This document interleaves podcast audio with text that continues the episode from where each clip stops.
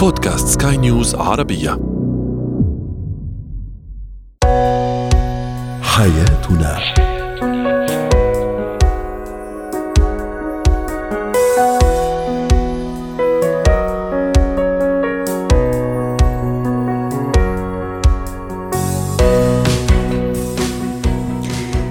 الكرام أهلا بكم معنا إلى حياتنا فضاؤكم اليومي الذي يعنى بشؤون الأسرة وباقي الشؤون الحياتية الأخرى والذي يمكنكم الاستماع إليه عبر منصة Sky News Arabia dot com slash podcast وباقي منصات سكاي نيوز العربية الأخرى. شاركونا عبر رقم الواتساب 00971 561 88 معي أنا امال شاب. اليوم نتحدث عن الشريك الانطوائي. كيف نتعامل مع هذا النوع من الأزواج والزوجات؟ إذا إحنا نتعامل معهم في البيت طبعا. في موضوع زينة الحياة اليوم سنتحدث عن فوائد وإيجابيات وأهمية عمل الطفل خلال العطلة المدرسية سواء العطلة الصيفية أو حتى العطلة الشتوية إذا كانت عطلة قصيرة.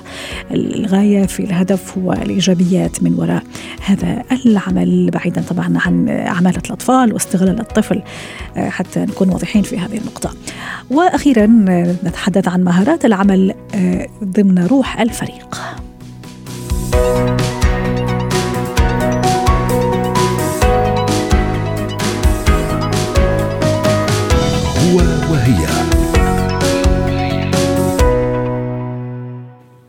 اليوم نتحدث عن الانطوائية إذا كانت في الشريك في الزوج والزوجة وخاصة نعلم جميعا أن العلاقات الزوجية تتطلب الكثير من العمل والسعي الدؤوب من الطرفين حتى نحقق الاستمرارية استمرارية الحياة الزوجية. وأكيد أن الشخص الانطوائي هو ذلك الشخص الذي يجد صعوبة في التأقلم مع المجتمع ومع من حول مع من حوله أيضا ويفضل دائما أو بشكل يعني دائم البقاء في المنزل والابتعاد عن أي نشاط اجتماعي يحب دائما الوحدة ويشعر أيضا بربما بالقلق أو بالإرهاق حين يوضع في مواقف تتطلب منه الاختلاط الاجتماعي والاختلاط مع الأشخاص الآخرين. إذا كيف أتصرف إذا كانت كل هذه الصفات أو معظمها موجودة في شريكي زوجا كان أو زوجة رحبوا معي بالأستاذة إكرام خليل الاستشارية النفسية والأسرية ضيفتنا العزيزة من القاهرة. يسعد أوقاتك يا دكتورة إكرام. نعلم أن الزواج مشاركة وحوار وتواصل لكن ما العمل إذا كان زوجي أو زوجتي شخص انطوائي؟ اولا أنا بشكركم دايما على برنامجكم المميز اللي بيختار مواضيع حساسة جدا جدا الله يخليك. اولا نوعية الزوج الانطوائي أو الشريك أو الخطيب ده نوعية لازم الشخص هو داخل الارتباط أو دخل الارتباط يفهم إنه هو مش زرار هندوس عليه يتحول. أو نقول له لازم تبقى اجتماعي لازم ولازم كلمة لازم معاه بتحسسه إنه لازم ينطوي. لازم نقول اولا هو ليه بقي كده؟ عشان نقدر نعالج نعالج الجذور. دايما الشجرة لما بتطلع ثمر بتبقاش طالعة كده. يعني الشخص الانطوائي ما طلعش كده. هو نتيجة ثمار أو نتيجة جذور نفسية كتيرة جدا في طفولته وفي حياته أثمرت في جوازه وفي حياته. في ثلاث أنواع أو ثلاث أنماط للشخصية الانطوائية، النمط الانسحابي من الحياة يكون هو وصغير اتعرض لخذلان وهتعرض لانتقادات. كتيرة جدا بتقول إن هو شخصية مش واثقة في نفسها فبيقرر إنه ينعزل من المجتمع. ده دليل إنه خايف إن الناس ما تعجبش باللي بيعمله. ما يبقاش شاطر في العلاقة ما يبقاش شاطر في الكلام. فبيحس إن انسحابي من الحياة وال... وال... وإن أنا أنطوي مع نفسي ده بيوفر عليا نوع من أنواع الايه إن أنا أتكسف أو إن أنا أخجل أو إن أنا أفشل. الخوف من الفشل يبقى واحد الخوف من الفشل ونتيجة خبراته السلبية أو طفل إنه ممكن يكون هو وطفل اتحرك ناحية حاجة قالوا أنت فاشل أنت ما تعرفش أنت ما بتعرفش تتكلم وأحرجوه. ده دور الأهل. أنا بوجه دلوقتي نضرب عصفورين بحجر بكلم الآباء والأمهات اللي بيسمعونا. انت ممكن تطلعي ابن زوج آه زوج دلوقتي آه آه صامت أو أو غير مؤهل للجواز بسبب الخجل اللي انت بتعمليه في طفولته. اثنين بسبب انه هو بيحس انه انسحابه من المشاكل عدم تحوله لمسؤوليه. انه بيحس انه هو لو اتحرك ناحية المسؤولية أنا مش كافي أنا مش عايز وجع دماغ فبقرر اكتفي بنفسي واسيب مسؤوليتي على مراتي فانا ببقى صامت فاحنا بنعاني من الأنماط دي. دور الزوجة في الوقت ده مش إنها تهاجمه إن هو أصلا من جوه شايف نفسه ضعيف وقليل. دوره إن هي تحاول بقدر ما يمكن توجد أوقات هو يبقى فيه بعض الكلام إن تديله فرصة تدخله في الكلام وتقول له أنا أنت حلو قوي في الكلام ده أنت بتعرف. آه وتوجد هقول جملة توجد حوارات وسط الناس هو يجيب فيها الكلام ولما يرجع البيت تقول له على فكرة أنت كنت عظيم قوي النهارده. رائع. على فكرة اتكلم أنت رائع. وتبدأ تشجعه بحاجات صغيرة. توجد هي مجتمع بديل في البيت تعزم قرايبها وفي وسط القرايب هتديله الكرامة وتقول لهم إيه أنا النهارده هو هيحكي لنا حاجة. مش تحرجه. توجد حوارات تخلق حوارات وبعد الحوارات دي كأنها بيبي بتتعامل سوري كلمة بيبي كأنها بتطلع الطفل الداخلي بتاعه حبة حبة وتقول له أنت تعرف. لكن الهجوم على الشخصية الصامتة هتقوده للصمت أكثر. رائع وطبعا الكلام ينطبق على نفس أو نفس الكلام ينطبق على على زوجة إذا كانت انطوائية ولا يمكن في خصوصية أكثر لما نتعامل مع هذا النوع من الشخصيات الانطوائية لما تكون زوجة ويعني سيدة يعني ربة بيت وسيدة يعني سيدة في سيدة في البيت. بصي ال ال النوع التعامل مع الزوجات أسهل من التعامل مع الأزواج الصغار إن الزوج هو القائد فينفع يقول لها كلام حلو ينفع هو يخليها في وسط الكلام تتكلم ويمدحها وسط الناس. الزوجة لما بتاخد الدور بره الزوج بيحس إن انت إيه ده انت بت بتفرضي عليا حاجة فالموضوع حساس الطريقتين مختلفين. لما أتعامل مع راجل غير مع ست. لو أنا اتكلمت دلوقتي إزاي الست تتعامل مع الراجل. لو هاجي للراجل أقول له إزاي تتعامل مع مع الأنثى أو المرأة هستخدم أدوات مختلفة. الأنثى في الوقت ده بتحتاج مدح قوي في شكلها إن دايما عدم الثقة في شكلي وفي قدراتي وفي حاجات كتيرة قوي. فدور الكلام المشجع بيخرجنا من صمتنا. دور الأفعال ان أشجعها تعمل حاجات بسيطة وأقول لها انت بتقدري. الصمت دايما وراه خوف. الانسحاب دايما وراه خوف. فالنهاردة بقول تعالوا ندور على الجذور ونشتغل عليها. أجي أسأل الزوجة دي أو لها أنت كنت صغيرة احكي لي عن طفولتك. واخليها تعبر عن مشاعرها. أنا عايزة أقول حاجة النهارده للمستمعين. إن إحنا عقلنا الباطن عامل زي الكوباية المليانة مية. ما أقدرش املى جديد غير ما أفضيها. يا سلام. جميله فعلا قانون قانون مهم جدا في قوانين الحياة في الحقيقة وقوانين الكون وكثير مهم نطبقه في علاقاتنا الإنسانية والإجتماعية. عارفة حضرتك لو إحنا قعدنا نطلع الطاقات إحنا عندنا ثقافة غريبة جدا ما نتكلمش على اللي فات اكتم على اللي فات اسكت ما تعبرش عن مشاعرك عيب كده. ده اللي بيقودنا في الآخر للصمت والانعزال إن إحنا من كتر الوجع اللي جوانا كوبايتنا اتملت فانعزلنا لو إحنا قدنا بعض ساعدنا بعض نعبر عن اللي فات وإحنا ننصت إليه مش نوعظهم. في فرق إن أنا أنصت واوعظ أو أوعظ. أو اقعد أقول ليه ده اللي فات مات خلينا في بكرة. طبعا حلو اللي فات مات بس اللي فات ما بيموتش. اللي فات وجعنا فأنا ببقى محتاجة في الوقت ده كزوج أو زوجة اسمه التواجد. عارفين التواجد يعني أدخل الأوضة اللي مليانة ألم دي وأقول أنا جنبك؟ فساعد الشخص الآخر بالتواجد الوجداني والعاطفي بالتواجد النفسي ده اسمه الشفاء. الشفاء النفسية غير الجسدي. الجسدي بحط شوية دواء واخد شوية antibiotic وشوية حاجات جسمي بيخف.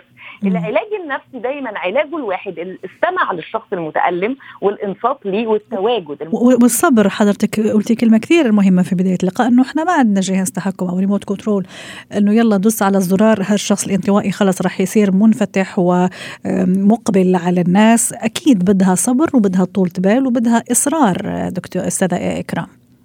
ونفسي أقول قوي للزوج والزوجة اللي بيسمعونا دلوقتي لو زوج زوجتك منطوية هي تعبانة.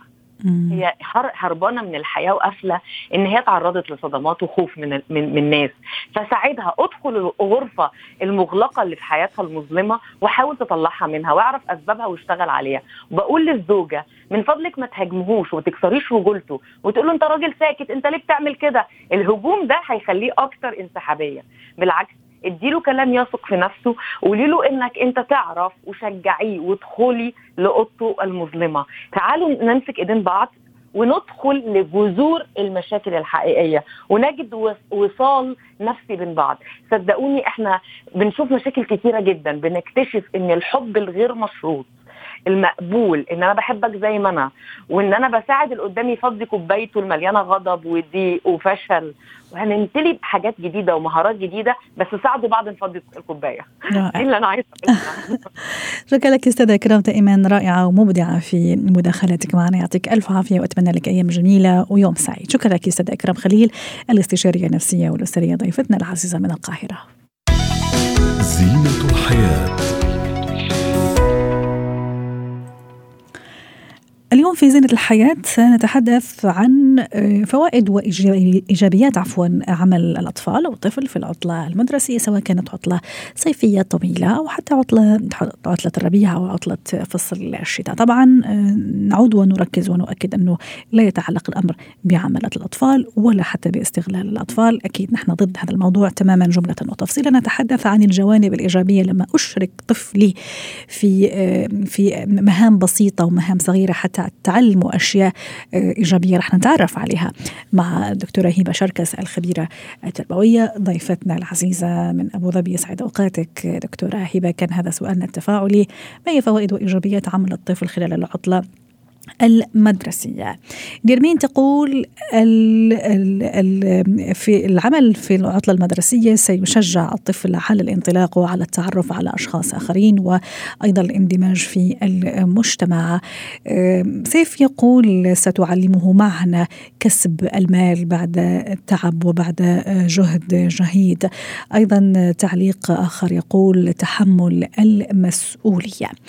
دكتورة هبة ما هي فوائد وإيجابيات عمل الطفل لما أنا أقرر أني أولا ما هي أنواع ربما الأشياء أو العمل اللي ممكن أخلي طفلي يعملها؟ طبعا من غير ما أضره لا نفسيا لا جسديا لا معنويا حتى نكون متفقين ونرجع نأكد أنه لا يتعلق الأمر بعملة الأطفال لكن بتشجيعه على اكتساب مهارات. هو طبعا علشان خاطر نبدأ نأهل الطفل للعمل في الإجازات لازم يكون في حوار مبدئي ما بين الأسرة ما بين أفراد الأسرة وما بين الأطفال. ونكلمهم عن العمل وعن فضل العمل وعن إزاي العمل شرف وقد إيه هم الإنسان لما آه، بيكسب آه، من عمله فده شيء آه، إيجابي جدا وقد إيه العمل بيعلمنا الالتزام وبيوسع علاقاتنا الاجتماعية. وبعدين ممكن نسأل الأطفال إيه الأعمال اللي هم بيحبوا إن ممكن يحبوا إن هم يعملوها في الأجازة الأجازات بتاعتهم حتى لو كانت عطلات قصيرة أو أجازات صيفية طويلة. ممكن تكون من وحي هواياتهم دكتورة هبة. ممكن جدا. يعني ممكن يكون طفل مثلا بيعرف يرسم فنقول له إن هو ممكن يعمل لوحات معينة أو ممكن يسوق لهذه اللوحات. في دائرة المعارف والأقرباء طبعا ما يكونش بشكل غير قانوني. ويقدر إن هو يكتسب المال من آه، الرسومات اللي هو بيحب إن هو مثلا يرسمها. آه، ممكن لو طفلة مثلا بتشغل بتحب بعض الأشغال اليدوية ممكن آه، بعض الأعمال اللي لها علاقة بالحيوانات الأليفة زي استضافة مثلا حيوان أليف لمدة يوم أو حاجة يكون أصحابه محتاجين لهذه الاستضافة. فممكن أعمال تكون لها علاقة بالأطفال وتتناسب معاهم وهم كمان يكونوا حابينها لأن إحنا آه، في المرحلة دي مهم جدا جدا غير إن إحنا طبعا الفوائد بتاعه عمل الأطفال. أهم نقطة في في الموضوع هو إن إحنا نبني علاقة إيجابية. ظهور إيجابي تجاه العمل. صح. في هذه المرحلة العمرية يعني أطفال وهم صغيرين إحنا مش عايزينهم يكتسبوا مشاعر سلبية تجاه العمل. مش عايزين نشغلهم أعمال مرهقة فهو يكره العمل. رأى. مش عايزين نشغلهم آه مثلا على على السوشيال ميديا فهو يحب الشهرة والأضواء والكلام ده ويحس إن العمل ده ملهوش قيمة. لا ده هو أنا لازم أكون مشهور لازم الكل أعجب الكل لازم يعني الإبهار آه عوضا عن بدلا من إن هو يجتهد فمهم إن أنا أخلي بالي قوي من النقط دي. العلاقة الطفل بالعمل والمشاعر المصاحبة للعمل إحنا بنبنيها في المرحلة دي. فلو أنا شغلته أو أو ساعدته إن هو يعمل أي أعمال كانت صعبة وكانت شاقة فهو هيتبرمج على إن العمل ده شيء صعب. لو أنا برمجته على أو أو خليته يعمل أعمال فيها حالة الإبهار وال اللي هي الحاجات الخاصة بال social media هيتخيل إن العمل ده حاجة بسيطة وكل المطلوب مني إن أنا أبهر آه الناس اللي قدامي. هنفرق أقل من قيمته ومن مضمونه. جميل.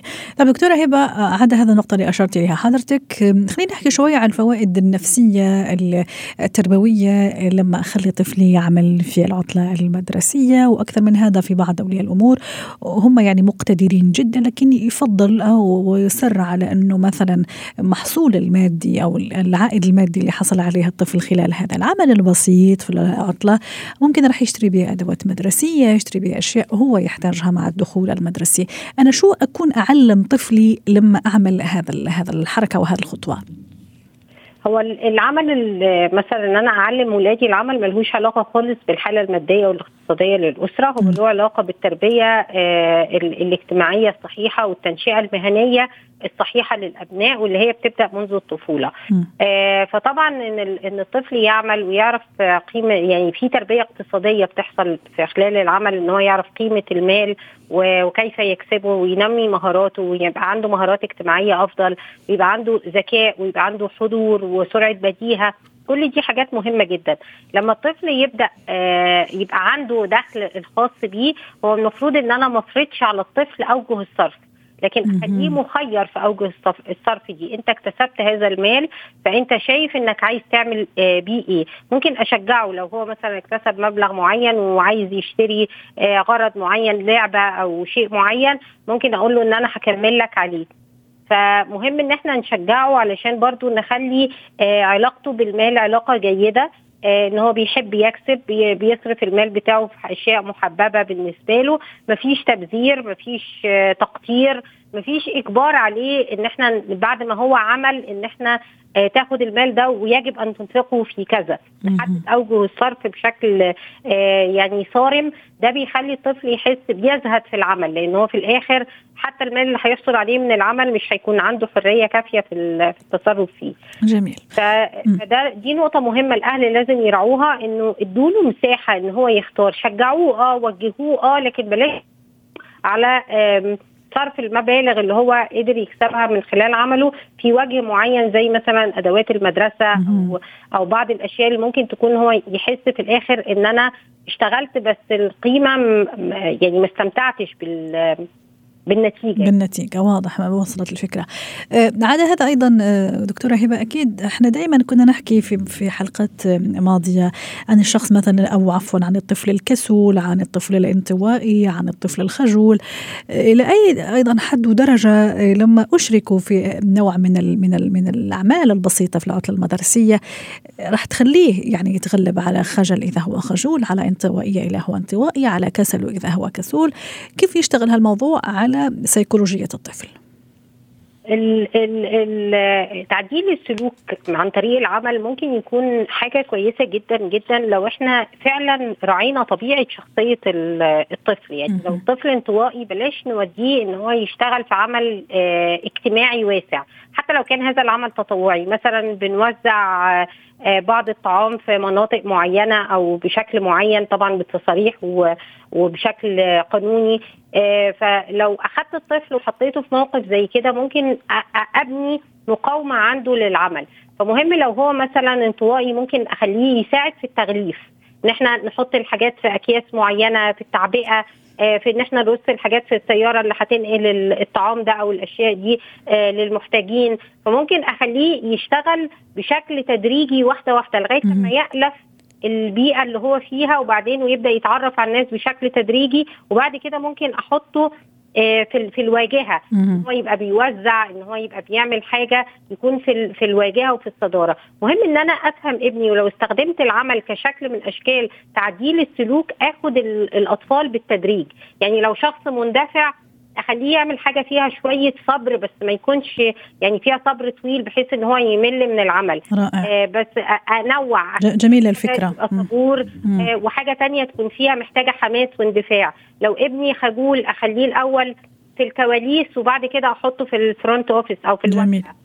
دكتورة هبة هذا الموضوع وصلت فكرة هذه. خلينا ننتقل لموضوع آخر حتى نودعك اليوم على خير. موضوع العمل أيضا في العطلة المدرسية. هل راح يفهم الطفل راح أرجع دائما للموضوع المادي مرة أخرى. هل يفهم الطفل إنه بابا وماما إذا كانت عامله أيضا هم كمان يتعبوا وحتى يوفروا لنا هذا المال وحتى بعدين ننفقوا زي ما تفضلتي في أشياء في رفاهيتنا في احتياجاتنا. هل هل توصل له هذه الفكرة؟ تحديدا؟ العمل بي بيخلي الناس تتعاطف بيخلي الأطفال يتعاطفوا. يعني يقدروا يقدر يتعاطف ويقدر يفهم الحياة ويخبر الحياة ويقدر يحس بأبوه وأمه. لما هو يكون مرهق آه، فهم لو ما استهونوش بإرهاقه وقالوا له إحنا عارفين إن ده ممكن يكون كان مرهق لك اليوم ده مثلا في توزيعات في حاجات فأنت شكلك النهارده تعبت محتاج إنك ترتاح شوية. فلو هم تعاملوا معاه بشكل لائق هو كمان هيبدأ يتعاطف معاهم. التعاطف دي عملية إحنا بنكتسبها بالمحاكاة أو الاطفال تحديدا بيكتسبوها بالمحاكاة. فمهم إن إحنا نمثل هذا التعاطف علشان هم يقدروا يتعاطفوا معانا. وممكن نقول له بس بدون مبالغة يعني ما نقولوش مثلا أنت علشان اشتغلت ساعتين حاسس إن أنت تعبان أمال بابا اللي بيشتغل كل يوم 8 ساعات يعمل إيه؟ فهنا كده هخلي الطفل يبقى يعني حاسس كان أنا بقلل من العمل اللي هو عمله. واضح. لما أنا أقول له أنت تعبت وكمان بابا بيتعب فهو يبدأ يحس إن هو زي بابا أو زي ماما اللي بتعمل فيحصل توحد وتعاطف ما بينهم وما بين بعض. شكرا لك دكتورة هبة شركه سعدتينا اليوم بهذه المشاركة ضيفتنا العزيزة من أبو ظبي. مهارات اليوم نتحدث عن أهمية امتلاك مهارات العمل الجماعي لأنه مهم جدا ومهمة جدا هذه المهارة لكونها مفتاحا أساسيا للنجاح في أغلب مجالات الحياة والعمل. ومع ذلك العمل بروح الفريق هو تحدي بحد ذاته ويتطلب مجهود كبير من الشخص ومن المجموعة حتى تحقق هذا الهدف. دعونا نتعرف على هذه المهارة وكيف أكتسبها. مع نور هشام مدربة مهارات الحياة يسعد أوقاتك. أستاذة نور اليوم نتحدث عن العمل بروح الفريق. وإيش هي المهارة أستاذة نور اللي لازم أكون أنا أمتلكها كعضو من هذا الفريق فريق العمل حتى فعلا أندمج مع هذا الفريق وكلنا نندمج مع بعض حتى نحقق الغاية العليا والمصلحة العليا اللي هي العمل.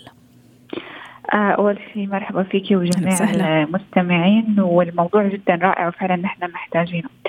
آه لو نحن نظرنا حوالينا آه رح نشوف إنه في كل مكان إحنا فيه إحنا بنكون ضمن فريق أو ضمن مجموعة شئنا أو أبينا. يعني أنت في البيت صح. انت ضمن أفراد الأسرة في العمل ضمن زملاء العمل في الدراسة ضمن زملائك في الدراسة. فأنت لابد إنك تمتلك مهارات العمل ضمن فريق. هلأ كلياتنا عادة لما بننولد إحنا بنكون معتمدين على الآخرين. هذا بشكل طبيعي. بنبدا ننمو ونكبر ونطور مهاراتنا بنبدا نوعا ما نصير معتمدين على ذاتنا. ولكن النجاح الحقيقي هو هو إنك تكون قادر على العمل والتكاتف والانسجام ضمن فريق. اللي هو هذا ذكره ستيفن كوفي في كتاب العادات السبعة اللي هي ال victory الحقيقي إنك تكون قادر إنك تعمل ضمن فريق. صح. طيب كيف أنا أكون قادر أعمل ضمن فريق؟ آه شو المهارات اللي أنا بحتاجها فعليا؟ أول شيء لابد لأعضاء جميع الفريق إن يكون عندهم نوع من الوضوح. وضوح شو بالضبط؟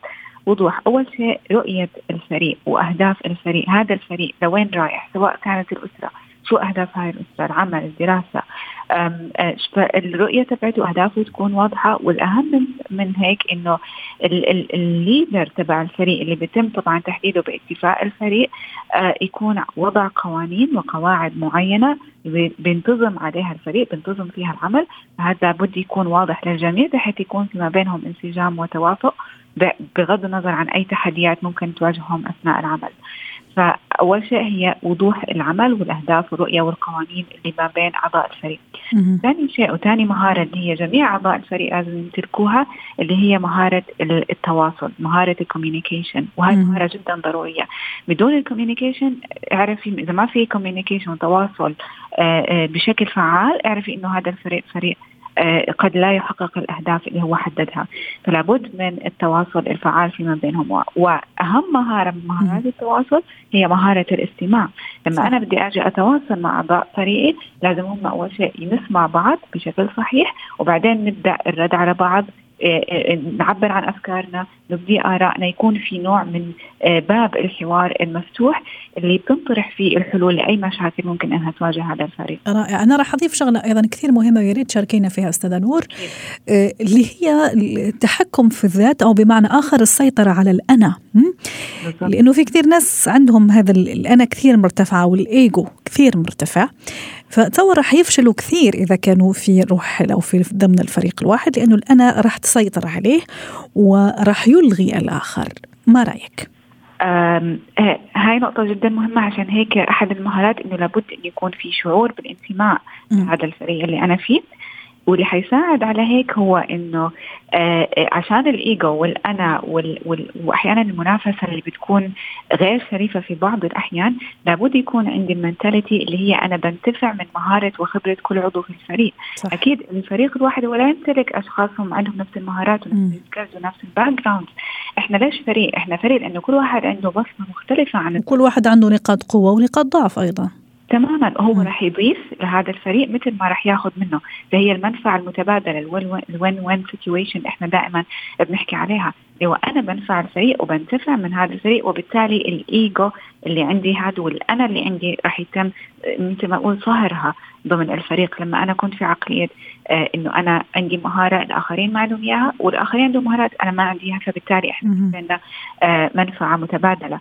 ما بين أعضاء آه، ما بين أعضاء الفريق الواحد. في في بعض الأشخاص وهم في الفريق الواحد أستاذ نور آه، يحاول دائما إنه هو اللي ياخذ الكريدت مثلا تبع المدح أو مديح عفوا مدح مثلا الإدارة أو المسؤول. فهذه أتصور أيضا إنه الولاء للفريق وعدم إشغال التفكير آه بإنه مين سيحصل على المدح مين يحصل على الثناء.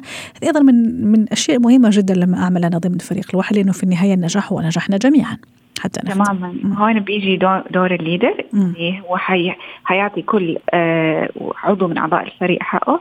رح يجي دور التحفيز اللي ما بين أعضاء الفريق ورح يجي دور الاحتفال بالنجاح. لما نحقق نجاح معين في أمر معين في خطوة معينة إحنا كنا عم نشتغل فيها لما يكون في احتفال وهذا الاحتفال يشمل جميع أعضاء الفريق.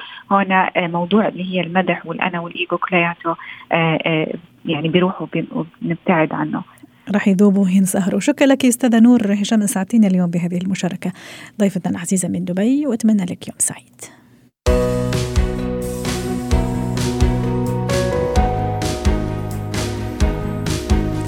ختام حلقة اليوم من حياتنا. شكرا لكم وإلى اللقاء.